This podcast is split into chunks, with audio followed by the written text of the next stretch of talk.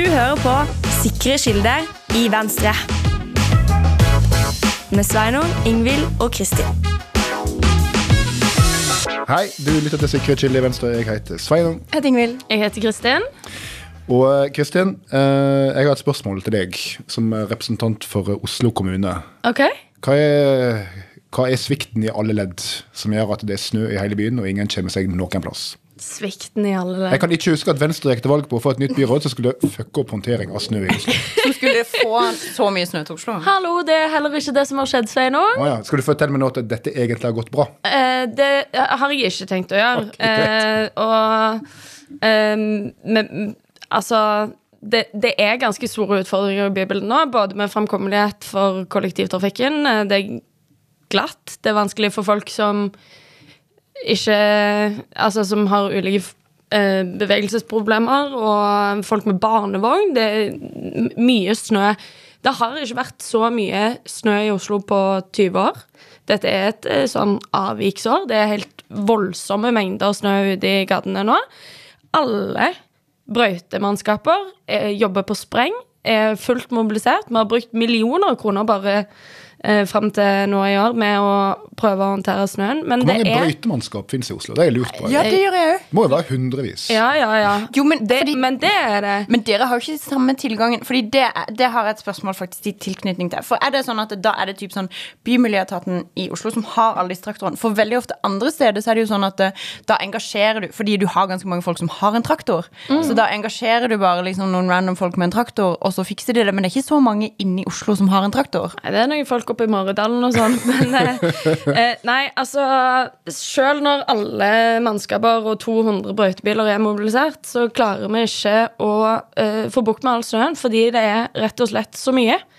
Eh, så det er litt eh, En ganske krevende situasjon. Og så eh, har vi hatt problemer med enkelte busstyper som har fungerer mindre optimalt når det er eh, fryktelig kaldt. Og Når du sier Eh. enkelte busstyper, da sikter du til disse elbussene som miljøvernerne har påtvunget. Hei, hei, du er jo en av disse miljøvernerne. Hva er det du snakker om?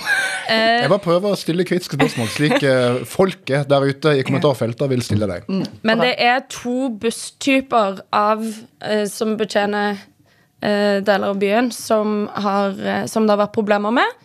Eh, men det er overhodet Altså, Oslo er absolutt en by som skal ha elbusser.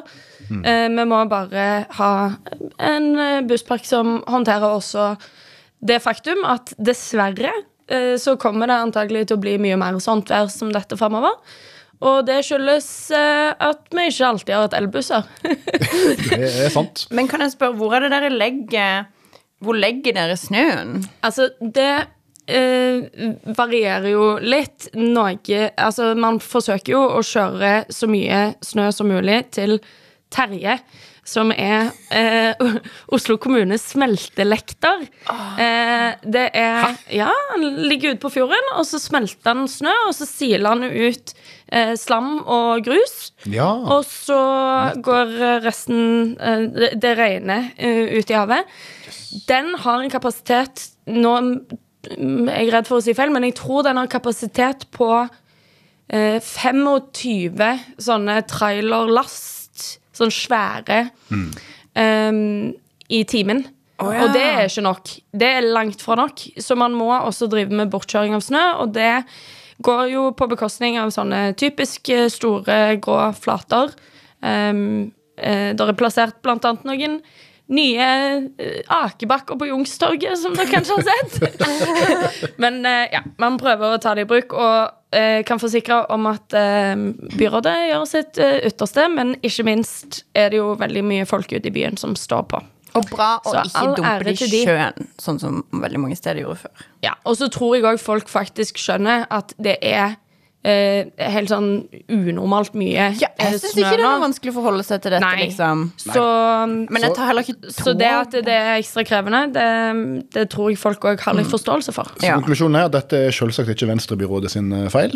Eh, Nei, på men det, det er vårt ansvar å gjøre det vi kan for å rydde opp i det. Og det gjør Marit Vea, som eh, på en utmerket måte. Ja. På Vestlandet derimot, der det er snøkaos i dag, eh, når vi spiller inn podkasten vår, torsdag, eh, fullt kaos i Bergen, der er det selvsagt eh, byrådet sin feil. Der Venstre ikke deltar lenger. okay, ja. De gjør en utrolig dårlig jobb med å håndtere snø. Dette kunne vært forhindra. Ja. Bra. Det er det du har gjort siden sist, Ingvild, å håndtere snø. Hva har du gjort, Ingvild, siden sist? Nå kalte du eh, meg for Ingvild først, be- så det var derfor beklager. Ingvild ble litt satt ut. Beklager, det har vært en lang konferanseuke. Det, Ja. det skal jeg komme tilbake til. Ja. Nei, vi var jo så vidt inne på Sveinung at vi skulle på strategisamling eh, like etter at vi spilte inn podkast forrige uke.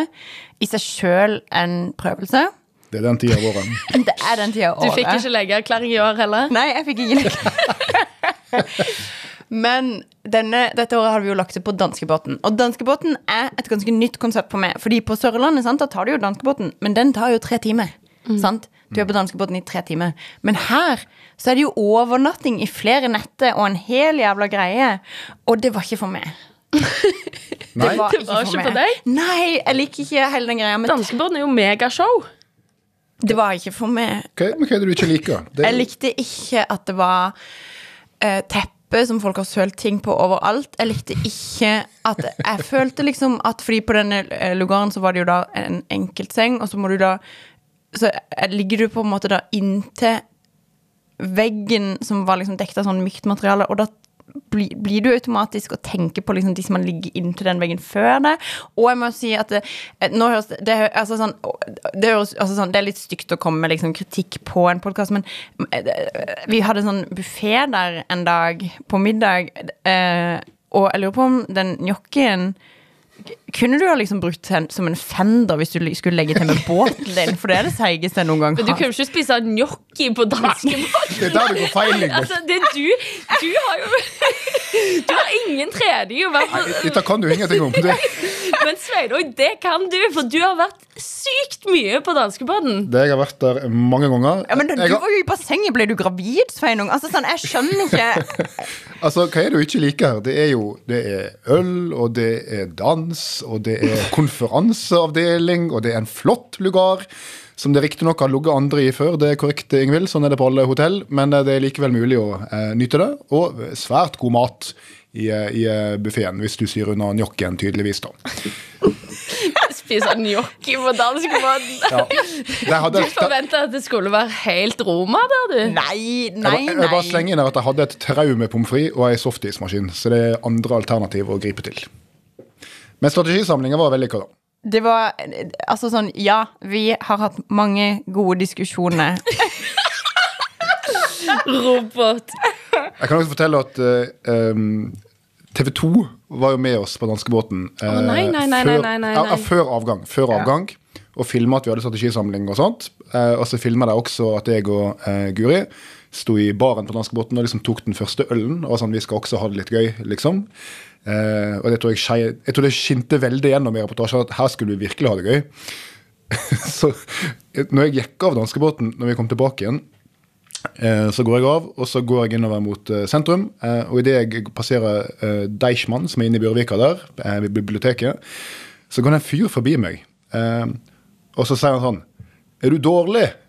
Og jeg bare Hva sa du? Er du dårlig? Hva mener du med det? Ja, jeg var ikke på danskebåten i går, Ja. Var du dårlig? Ja. Jeg var det. Men jeg sa til han at jeg klarte meg fint.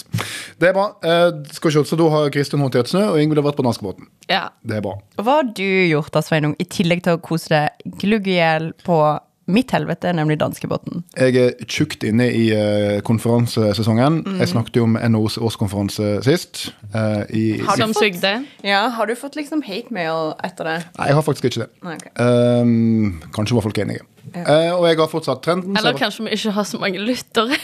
kanskje ikke fra toppen av NHO, iallfall. Uh, nei, så jeg har fortsatt trenden og vært på konferanser. Denne veka så har jeg blant annet vært to dager i, eh, i Sandefjord. Ah, nydelig sted. Ja, uh, Det er et nydelig sted hvis du er interessert i maling, eller i Sandefjord fotball, eller i å dra til Sverige med Color Line. Eller hvis du har lyst til å dra på uh, Scandic Park Sandefjord hotell. Klassisk gammelt hotell for hvalfangsttida. Der det skjer én stor, viktig ting i året, og det er det årlige seminaret til Norsk Petroleumsforening. Det store olje- og energiseminaret. Ja, Der de liksom møtes for å snakke om at olja er Fremtiden. dritbra. Det er, Og bytte navn vekk fra alt som har med olje å gjøre, for å gjøre det grønnere. Yeah. Fordi Ja det i seg sjøl vil jo gjøre det grønnere. det er riktig, så jeg har snakka med folk både fra eh, Energidepartementet, fra Sokkeldirektoratet og fra Havindustritilsynet i løpet av denne seansen. Alle har bytta navn i løpet av eh, siste månedene. Vi driver fortsatt med det samme. Eh, stort sett. Ja. Eh, nei, det er helt riktig oppsummert. Dette er jo den plassen der olja, olja møtes, for å klappe seg sjøl på skuldra og si at eh, dette her er framtida, folkens. Uh, og hvorfor er, inviterer de deg hvis de skal det? For det, du er jo ikke sånn. nei, jeg er jo ikke det. Så jeg var jo på scenen i debatt og sånt, ikke sant? og da spør de jo eh, Ja, hva syns du, Rotevatn for Venstre? Skal vi ta bygge nye gassrørledninger opp i Barentshavet og åpne for nye oljefelter? Og da svarer jeg nei på det. Eh, og så spør de du, Sier de sånn Nei, de, nei, de, de gjør ikke det. Men de, de ser litt sånn De ser litt sånn sure ut, Ja. uh, på en måte. da. Men, men, men de, er, de er jo i fryktelig godt humør for tida. For det, det går jo så det griner. ikke sant? Det er full aktivitet uh, i alle verft. Gønner på. Uh, god oljepris. Tjener masse penger. Eh, så stemninga er på topp. Eh, og eh, det som også skjer her, da, er at olje... Nei, ikke olje- og energiministeren. Energiministeren. Eh, Terje Lien Aasland er på scenen. Det er alltid første punkt på agendaen. Energiministeren er der. Og annonserer hva område neste år skal de få lov til å leite etter olje og gass i. Den såkalte TFO-tildelinga, da. Så da står han liksom på scenen. fra scenen. Fra scenen, ja. ja så da, Herregud. Det er jo weird as fuck. ja, dette er sånn liksom. forvaltningsvedtak annonsert på scenen. Holy shit, så merkelig. Ja, det, det er litt spesielt, men dette er tradisjon. Så da står han der da på scenen og sånn. Og nå, etter å ha holdt en litt lang og litt kjedelig tale, ja, nå kommer det alle har gleda seg til. og så, går, og så går han til liksom? det manus, og, jeg, og så bare sånn Og nå, folkens, kan jeg fortelle dere at årets TFO-tildeling, altså tildelinger i, i ulike områder som allerede er eh, infrastruktur i, eh, den er den femte største i historia. Og vi tildeler så mange blokker i Nordsjøen, så mange blokker i Norskehavet.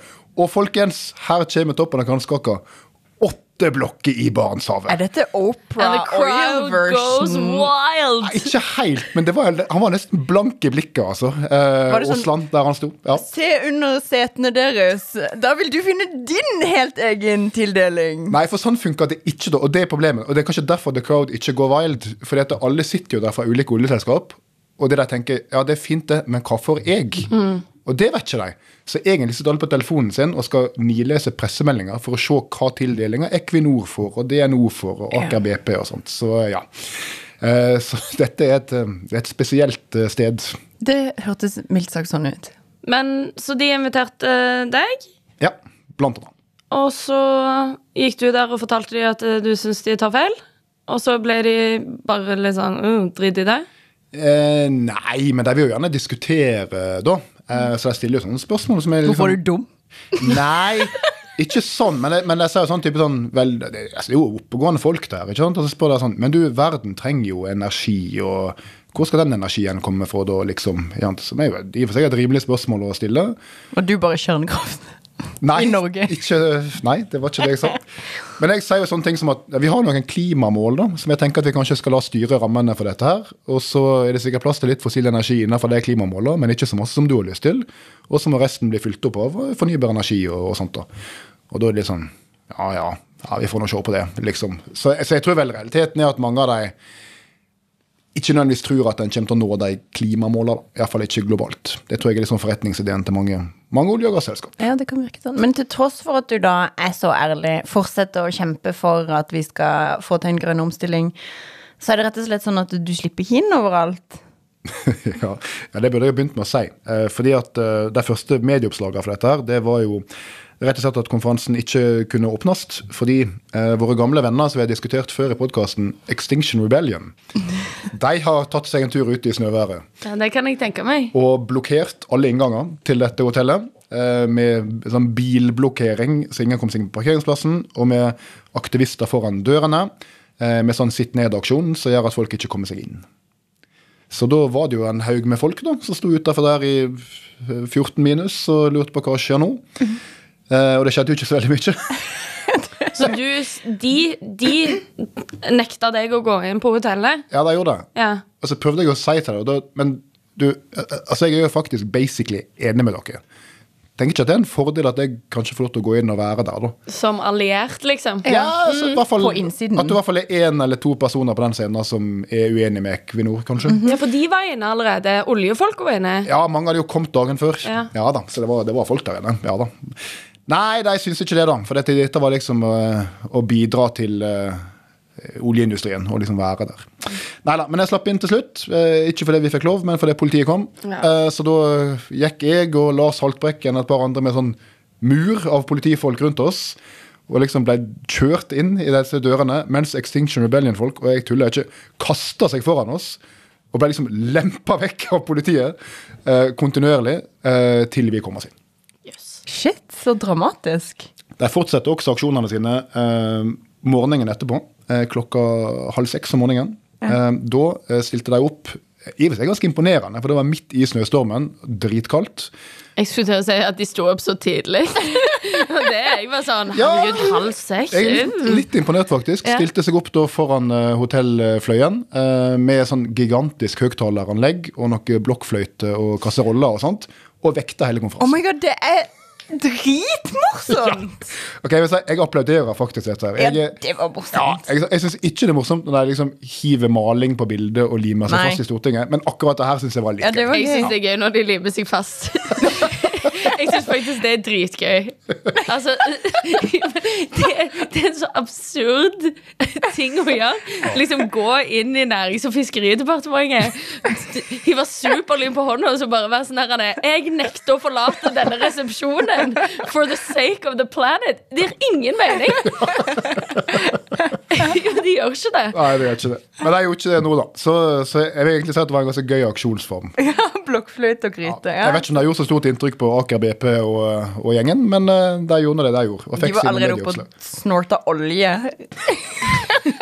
Ja, eller, eller havbunnsmineraler. For det var jo også en ting, da. fordi at når eh, energiministeren sto og holdt tale, så Høydepunktet var jo liksom you get a car and you get a car and you get a car på oljetildelinga, men han var også innom at nå skal vi som første land åpne for kommersiell utvinning av havbunnsmineraler. Det bruker ikke regjeringa for oss så masse applaus på, men da var det spontan applaus. Ja, Ja. ja, for dette liker mange av de. Altså, Vi har jo vært litt inne på det med å åpne for utvinning av havbunnsmineraler før. Du har jo grundig gått igjennom hvordan vi vet veldig lite om disse veldig sårbare områdene eh, langt, langt, langt under vann. Eh, hva var det du sa at vi vet mindre om det enn vi vet om Månens overflate. månens overflate?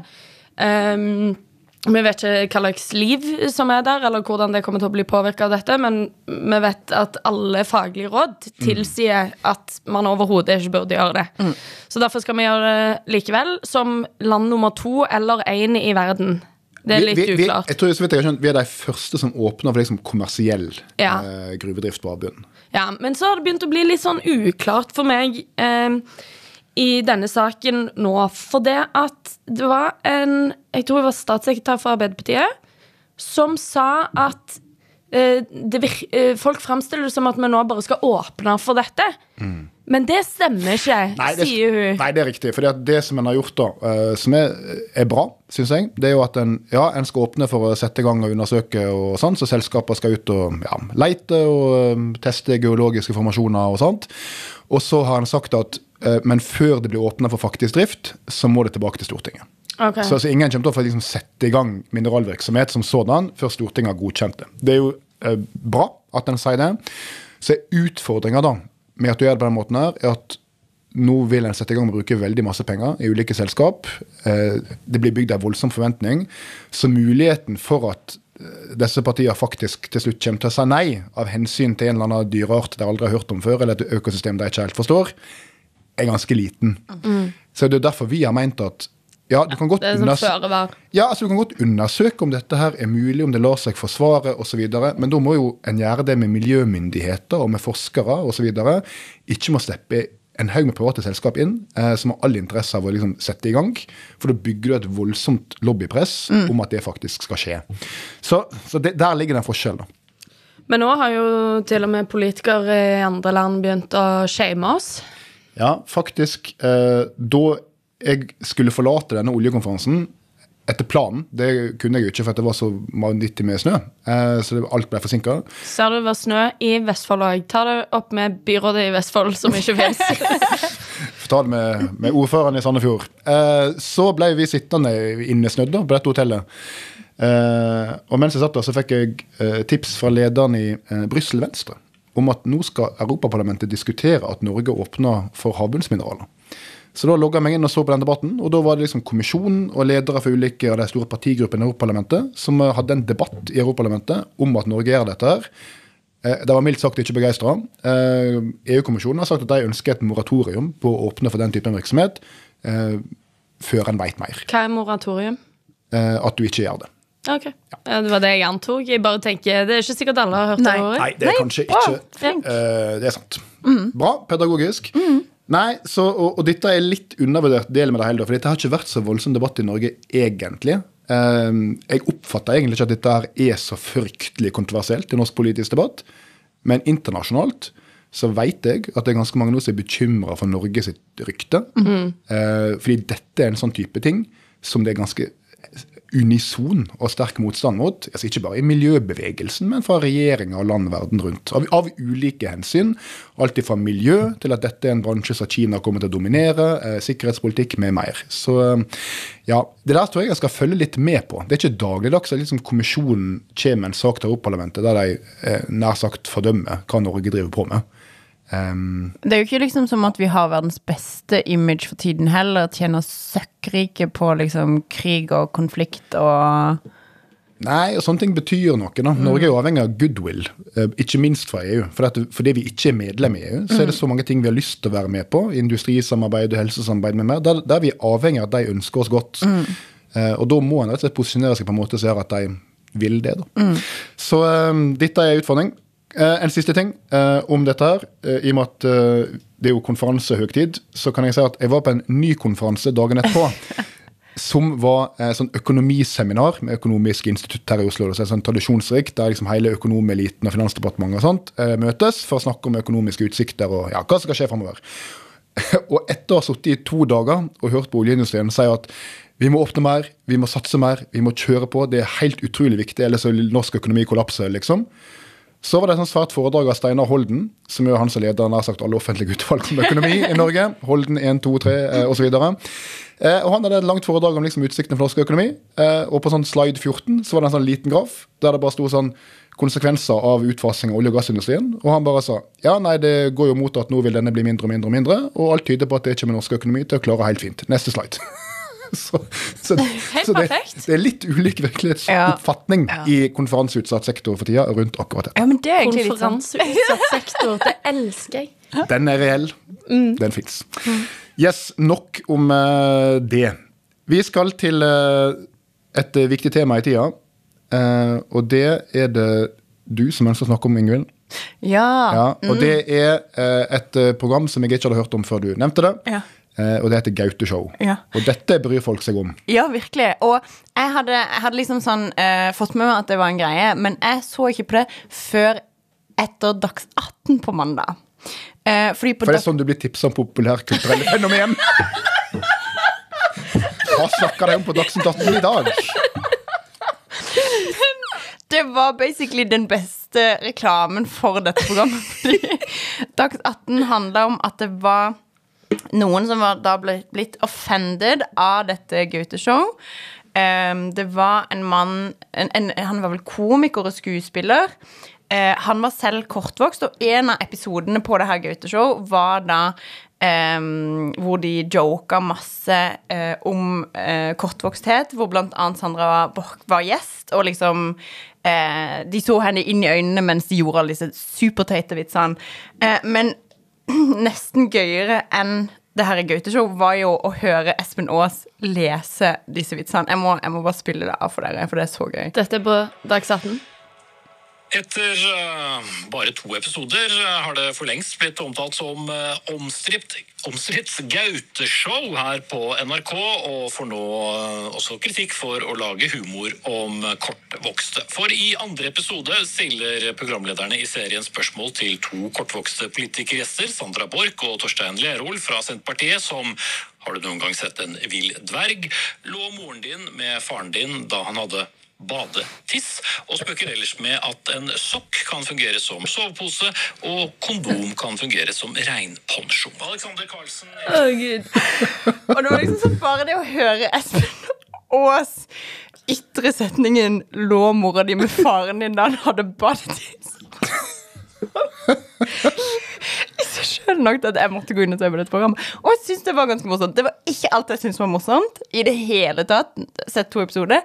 Men det er jo liksom litt av det som er poenget. Altså sånn um, for jeg mener, altså vi kan ikke Hvis ikke humor skal få lov å være støtende, hvis ikke liksom det er viktigere at vi har på en måte ytringsretten knytta til humor, eh, enn at folk ikke skal bli støtt, så fucker vi jo opp som samfunn, liksom. Og dette kommer fra den wokeste dama jeg kjenner. Ja, men altså sånn, når vi snakker om kansellering av sanger, så mener jo ikke at du skal slutte å sitte hjemme og høre på Do They Know It's Christmas, liksom. Bare det pleier jeg å gjøre ofte. Det er blitt et stort problem. Jeg mener ikke at vi som samfunn skal legge ned et forbud, liksom. Jeg bare mener sånn Den er ikke bra, liksom. Ikke hør på den. Det er min oppfordring. Eh, Men, det her, da, syns du det er bra? Syns du det er gøy? jeg syns det var mye av det i de to episodene som var morsomt, og så syns jeg det var noen ting som jeg syns var liksom som jeg ble støtt av, liksom. Seksualis altså seksualisert vold. Jeg syns ikke det var noe morsomt, men det betyr jo ikke at jeg mener at ikke de skal gjøre det. For det er jo liksom sånn Det blir som å si Jeg så på den her Eller jeg så bare starten av fordi jeg sovner så fort. Men Ricky, Gervais Jeg tror han har et sånn ganske nytt eh, Ja, show på. Netflix nå. Og i starten av det så er han sånn Jeg trenger ikke gjøre dette. Jeg er søkkrik.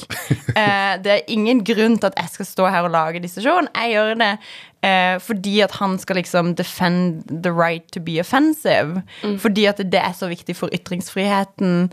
Eh, at komikere kan få lov Altså til og med over da uh, såkalt sparke nedover, da. Uh, fordi hvem er, det som, hvem er det som har definisjonsretten? Hvem er det som skal bestemme hva som er greit, og hva som ikke er greit? Og det er jo ikke som at du sier liksom til en skuespiller sånn Fy faen, så jævlig da. Hvis du for eksempel i den her eh, Django Unchained eller hva enn da, du har spilt en, en, eh, en, forferdelig person en, en, som driver med slave trade, da, eksempel, så er det jo ikke som at du sier til den skuespilleren Fy faen, så jævlig det er, du må kanselleres for at du har spilt den rollen. Det er ikke som at komikere går rundt og mener dette her, liksom. Nei, men, men uh, bare uh, hva, hva er grunnen til at det er en stor debatt? Altså, er det noe uh, For nå har jeg også, etter at dere gjorde meg oppmerksom på det, sett eh, to episoder av Gaute Show. Jeg syns det var ganske morsomt. Men jeg tenker liksom Er det noe nytt her? Er ikke dette den der evige debatten om liksom komikere sier noe drøyt? Er det innafor eller Men det er på NRK, da. Det er vel det det går og det er oh, ja, nok okay. en stor del av det, tror jeg. Eh, at det er på NRK, og at uh, uh, dette eh, Altså, NRK har jo hatt en sånn satsing for å nå yngre, et yngre publikum. Og Og for NRK så vil jeg si de som er under 65. Ja.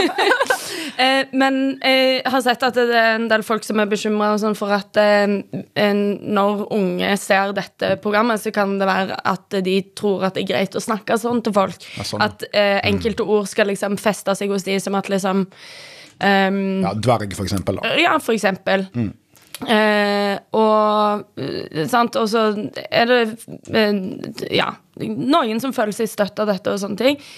Eh, jeg eh, syns også at det er ganske gøy.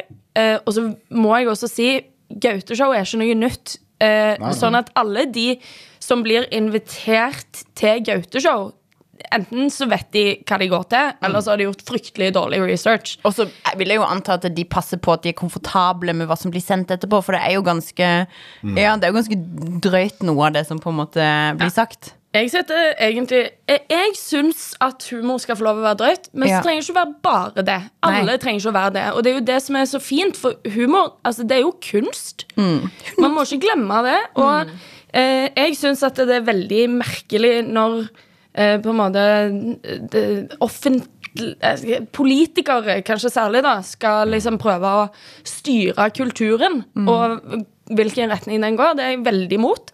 Eh, så jeg syns eh, bare slipp det fri, la folk gjøre det de vil, og så får det stå for de sin regning. Ja, de må jo ta konsekvensene av det hvis noen blir støtt og ikke har lyst til å gå på showet de sitt. Så Men er men er det en trend i humor nå at den liksom er litt tilbake, litt tilbake her, der det er morsomt å være drøy? Fordi at det har liksom vært snakka om i mange år om at Nei, det en drev med på 90-tallet og sånt, hadde aldri gått an i dag pga. Uh, woke og alt det der. Eh, men er det liksom en trend nå at nå, nå gjør komikere det motsatte? Altså Nå er det blitt morsomt igjen å liksom si stygge ting til kortvokste og være drøy og sjokkere? Jeg vet ikke, det, altså det er jo ganske likt det her, og det sier de vel sjøl òg, men det er ganske likt det her Eric Andre-show. Og det er jo iallfall sånn fem, fem år gammelt, liksom. Det minner også litt om dette Between Two Ferns, Ja, ja, ja. som jeg har sett litt på, som er hysterisk morsomt, syns Ja, jeg. ja, ikke sant? Men det er jo også veldig sånn eh, personlig fornærmende, eh, Ja. hvis du skjønner. Ja, ja. Jeg, jeg har jo faktisk hatt deg på Between eh, Two Ferns på mitt tidligere TV-program Ja. Venstre-TV. Det er sant, det. For Ja. alle som fulgte nettsendingene til Venstres landsmøte tidligere, så fikk dere se. Venstre TV, og der hadde Kristin en versjon av Between Two Ferns. Ja, Ja. Da stilte jeg deg bare sånne rare spørsmål. For eksempel er brillene til Tor Kleppen Sættem laga av ekte leopard? Eh, men anyway. Men poen- men poenget mitt bare, bare si dette det er jo ikke noe nytt i dette her. Altså, du trenger ikke være eldre enn meg for å liksom huske at altså, Når jeg var ung da, og ting var drøyt og morsomt, så var jo det ting som gikk på NRK. Og det var liksom Åpen post og Team Antonsen. Tastepriv. Og den gjengen der, og det, det Harald Eia og Bård Tufte Johansen drev med da, eh, har jo mange fellestrekk med det som her liksom er morsomt. At du skal gjøre noe drøyt eh, som er liksom helt på grensa, så skal folk le av det. For eksempel, altså, hva de drev med nå, det var liksom eh, Jo, de smurte inn trefoten til Frank Ole med krem, og de var slikka på det, tror jeg. Og så hadde de en sånn running joke med folk med Downs syndrom, som skulle liksom være med i alle mulige sketsjer. Eh, og Så hadde jo han der Jarle som var russyk, som de også framstilte som Ja. en sånn ekstremt stereotypisk måte. Og ikke minst så hadde de han der eh, blackface-karakteren til Harald Eia, som var en sånn der hissig norsk-pakistaner, som var dritdrøy på Stemmer alle mulige måter. Og det var sånn at de sjøl har sagt at det kunne vi aldri gjort i dag. Uh, men kanskje kunne de gjort det i dag, da? Altså Kanskje er det der vi er tilbake til, liksom. Vet ikke, liksom Kanskje ikke blackface, men sånn, det er jo noen interessante eh, debatter rundt dette her, da. Mm. Jeg, jeg syns det er kjempespennende. Og så syns jeg det er kult med Gauteshow at liksom de em, prøver, og så eh, ja. Men jeg hørte på Papaya, uh, Ingvild min og din sin eh, felles uh, vennepodkast, holdt jeg på å si. For at de, for de er ikke våre venner. Vi Bare sånn prøver hardt. vennskapsbyforhold til de som de Ja. ikke har gjengjeldt. Det er litt sånn som når Lindesnes har New York som vennskapsby. Det er jævlig bra. Nei, men eh, eh, Der har de jo begynt eh, hatt sesongpremiere denne uken, og da har de drevet og sagt at eh, nå er alt lov igjen fordi Gaute-show. Eh, så De har jo gjort alt faen de har villet Tore. Sagen har blitt eh, Ja. en gang cancela i en kort periode pga. noe som han Ja, gjorde det i en kontekst sant. av flauhetskonkurransen, der han tulla med at han var rasist og klimafornekter, for det var det aller flaueste han visste. Um, jeg syns jo at det innslaget der var Altså, tatt ut av kontekst, så høres det helt fucka ut, på en måte. Men kontekst har mye å si. Så er det sikkert lett for meg å si, som er liksom på ingen måte noen minoritet på noen som helst slags måte. det. Um, og det erkjenner jeg. Men um, jeg syns at humor er kunst, og jeg syns kultur og kunst skal være fritt fra mine meninger om det. Og så er det jo, altså sånn, Dette handler jo om, om på en måte alles rett til å kunne ytre seg, og det vi vet også, er jo at idet du på en måte begynner å skulle potensielt sett innskrenke ytringsfriheten, så er det jo oftest minoriteter det går først utover. Det er jo ikke på en måte den middelaldrende hvite mann. Eh, sånn at dette tenker jeg jo er noe som eh, ville gått hardt utover alle hvis vi skulle på en måte innskrenke muligheten til å gjøre det. Men det er jo bra det blir debatt om det. Det er jo det som er kult, liksom. At de faktisk har gjort noe som, som skaper en debatt om um, ytringsfrihet, og det faktum at de fikk Espen Aas til å si noen av disse vitsene. Ja, hallo. Og jeg ønsker at Espen Aas skal være gjest på Gaute-show nå. Ja! Det hadde gjort seg. Det kan fort skje. I alle fall, Det var dagens reklame for eh, Gaute Show. Eh, bra med debatt, men vi er enige om at dette her er eh, ganske gøy. Så eh, da veit vi det. Hets av samer og homofile og funksjonshemma, det er den nye vinen. Nei, slutt. Ok. Ta det for langt. Ja, ok, greit. App, eh, da skal, eh, jeg jeg har en fin overgang. eh, fordi en av gjestene som er her, det var jo Sandra Borch, som er eh, Shout-out, for hun var dødskul på det Ja, programmet. men- ja, da, hun, Men hun har jo humor. Og hun Ja, er senterpartist. Og hun var landbruksminister fram til i forgårs, i alle fall, sånn cirka. Jeg har vært uh, fram til regjeringsskiftet. eller regjeringsomkalfatringa i høst. Eh, og ehm, det er kanskje mange der ute som har merka at nå eh, er det mangel på melk og mangel på egg. Du er kanskje ikke en av de som merker det, Ingvild, Nei. for det eter ikke du. Nei. Nei. Veganeren vår. Det er sant. Men det er iallfall det som er det mange hisser seg oppover her på Stortinget for tida, og andre plasser. Eh, og eh, det som har skjedd, da. Kort oppsummert. Hallo, kan jeg prøve? Ja, ok, hvorfor tror du det er mangel på egg og melk? Eh, det er n- eh, noe greier med at Tine har eh, prøvd å sende mail til de andre for å si at nå blander mangel. Og så har de andre, altså de som prøver å konkurrere med dette monopolet, sagt eh, du har sendt det til feil person. det Ja. er noe sånn. Ja, det er i hvert fall et, et, et element av dette her, ja. Ehm, Tine får jo kritikk, fordi Tine er. Reguleringsmyndighet. Ja. det heter? Markedsregulator. Markedsregulator. Altså, Tine er jo et samvirke mellom melkeprodusenter, men i tillegg til det så er det noe som er veldig sjeldent i norsk forvaltning. Men som er eh, Det er også et monopol. Ja, nesten i hvert fall. Det er noe veldig sjelden i norsk forvaltning som er sånn gøy ting som jeg tror en pensa innom på forvaltningsrettsstudiet i sånn to sekunder. Og det er at det er liksom en, et, et privat rettssubjekt med delegert forvaltningskompetanse. Ja. Det er ganske lite av, men det det betyr, er at altså, Tine er ikke noe offentlig virksomhet, det er jo eid av private næringsdrivende. Men de har forvaltningsmyndighet som markedsregulator. På samme måte som Nortura eh, har ditto for eh, kjøtt. Em, så det betyr at når en skal planlegge holdt det på seg, hvor masse melk og sånne ting eh, norske bønder rett og slett får lov å produsere, exact. så er det ikke departementet som sitter og gjør de vurderingene egentlig. Det er Tine som markedsregulator. Eh, og da er det jo sånn at når du velger å organisere et næringsliv på en måte der en eh, ikke skal produsere til enhver tid etter tilbud etter etterspørsel, men gjennom et system der en skal sitte og gjette hvor masse folk kommer til å drikke av melk neste år, og så be folk produsere det, så går det av og til galt. Eh, Så det som nå skjer, det minner litt om det som kanskje en del husker. eh, Og det var forrige gang det var sånn skikkelig svikt, og det var smørkrisa. I 2011, tror jeg det var. Hæ, er det så lenge siden den smørkrisen? Det er veldig lenge siden. Oh, fuck. Det som skjedde da, det var så vidt jeg husker, eh, at eh, folk begynte å ete veldig mye mer smør enn det Tina hadde trodd. Og det skyldtes blant annet at denne Fedon Christ. var så svær. LCHF-greiene med fotballfrue i spissen. Nettopp. Så folk, Jesus Det var hun som gjorde det. Så folk der brukte masse smør og mindre karbohydrat, eller et eller annet sånt. så det, og da begynte det å gå noen rykter om at nå begynner det å bli lite smør.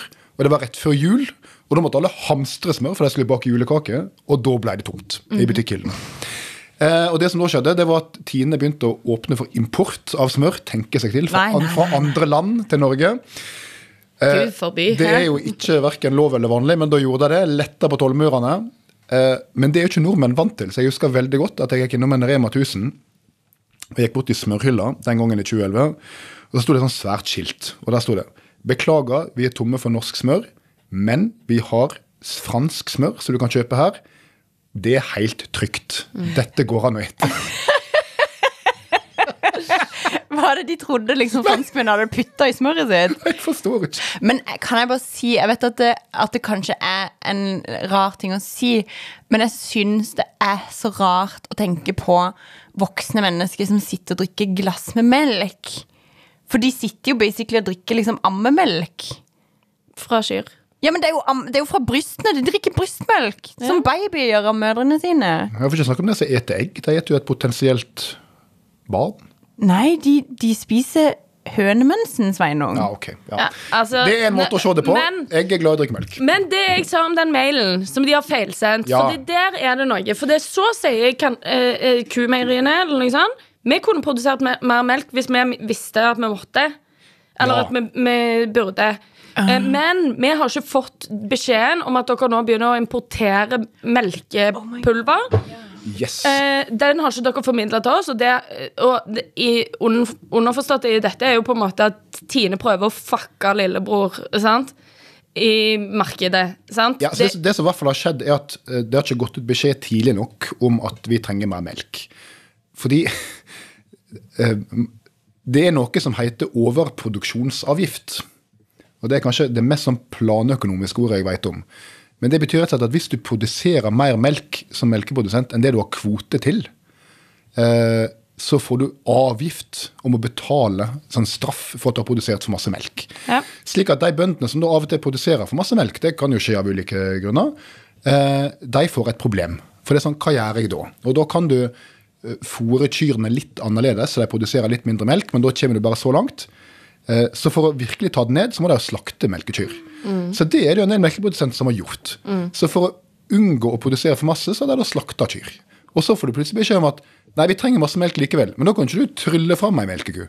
Så, så dette systemet her er jo eh, ja, et litt spesielt system. Det er ikke så mange andre næringer vi gjør det på den måten, men vi gjør det sånn her. Eh, så eh, det som nå da skjer, er at nå importerer en masse melkepulver fra Tyskland, tror jeg, og Frankrike, som en bruker som innsatsfaktor i sånn ja, sjokolade, Sjokolade og sånn. og alle mulige eh, eh, matvarer som du bruker melk i, da, eller melkepulver i. Så sånn går nå dagene. Eh, også utfordringen med egg. Den tror jeg er litt annerledes. Det tror jeg har med å gjøre at eh, det var noen som sa at det er fordi at det er dyrtid, og da er egg billige protein. Så mange studenter spiser veldig mye egg. Ja, men det kan jeg tro på. Egg er dritbillig hvis du kjøper sånne derne, eh, Hvis du kjøper sånn de, de billigste eggene, da, får du sånne her tolv egg for sånn 25 kroner. Og de hønene har sikkert er- hatt det top ja, ja, notch. I know, Ja. men det er Det er faktisk for billig, da. Men ja. Ja, ja, det er for billig, fordi de hønene der har sikkert blitt pint fra den dagen de ble født. Nei, og det som har skjedd er at En vanligvis også kan importere litt billig egg fra utlandet, men fordi den norske krona er så svak, så er det blitt veldig dyrt å importere. Så det har forsterka denne eggkrisa. da. Men det er klart det her er jo samme problemet, at du har et så planøkonomisk regulert system at det er ikke bare å reagere på tilbud etter spørsel på dagen, liksom. Eh, du blir straffa for å produsere for mye. Så da er vi der. Så eh, Ingvild, dette er situasjonen. Eh, nå må du gi mattips til eh, folk. Ja! Om matvarer som ikke inneholder egg og melk, eh, og sikkert ikke kjøtt heller, hvis jeg kjenner deg rett. Dagens middagstips, Ingvild. Besøk meg på www.ingvild.torsvik12345 slash 8 Nei, det er bare tull. La dyra leve. Ja da. Eh, Så nå har du fått deg en god alliert i landbrukssamvirka, Ingvild. Nå underga, vi systemet seg sjøl. Tanking. Yes, thank you, Senterpartiet. eh, Og thank you alle andre som jobber med dette her fantastiske jordbrukssystemet vi har. Um, Det var det vi hadde til dere i dag. Ja, men jeg føler vi har holdt på litt lenge. Ja, Vi må gi oss. Vi må også jobbe litt. Ja, vi må det. Du har hørt på Sikre kilder i Venstre. Tusen takk for oss. Ha det. Ha det?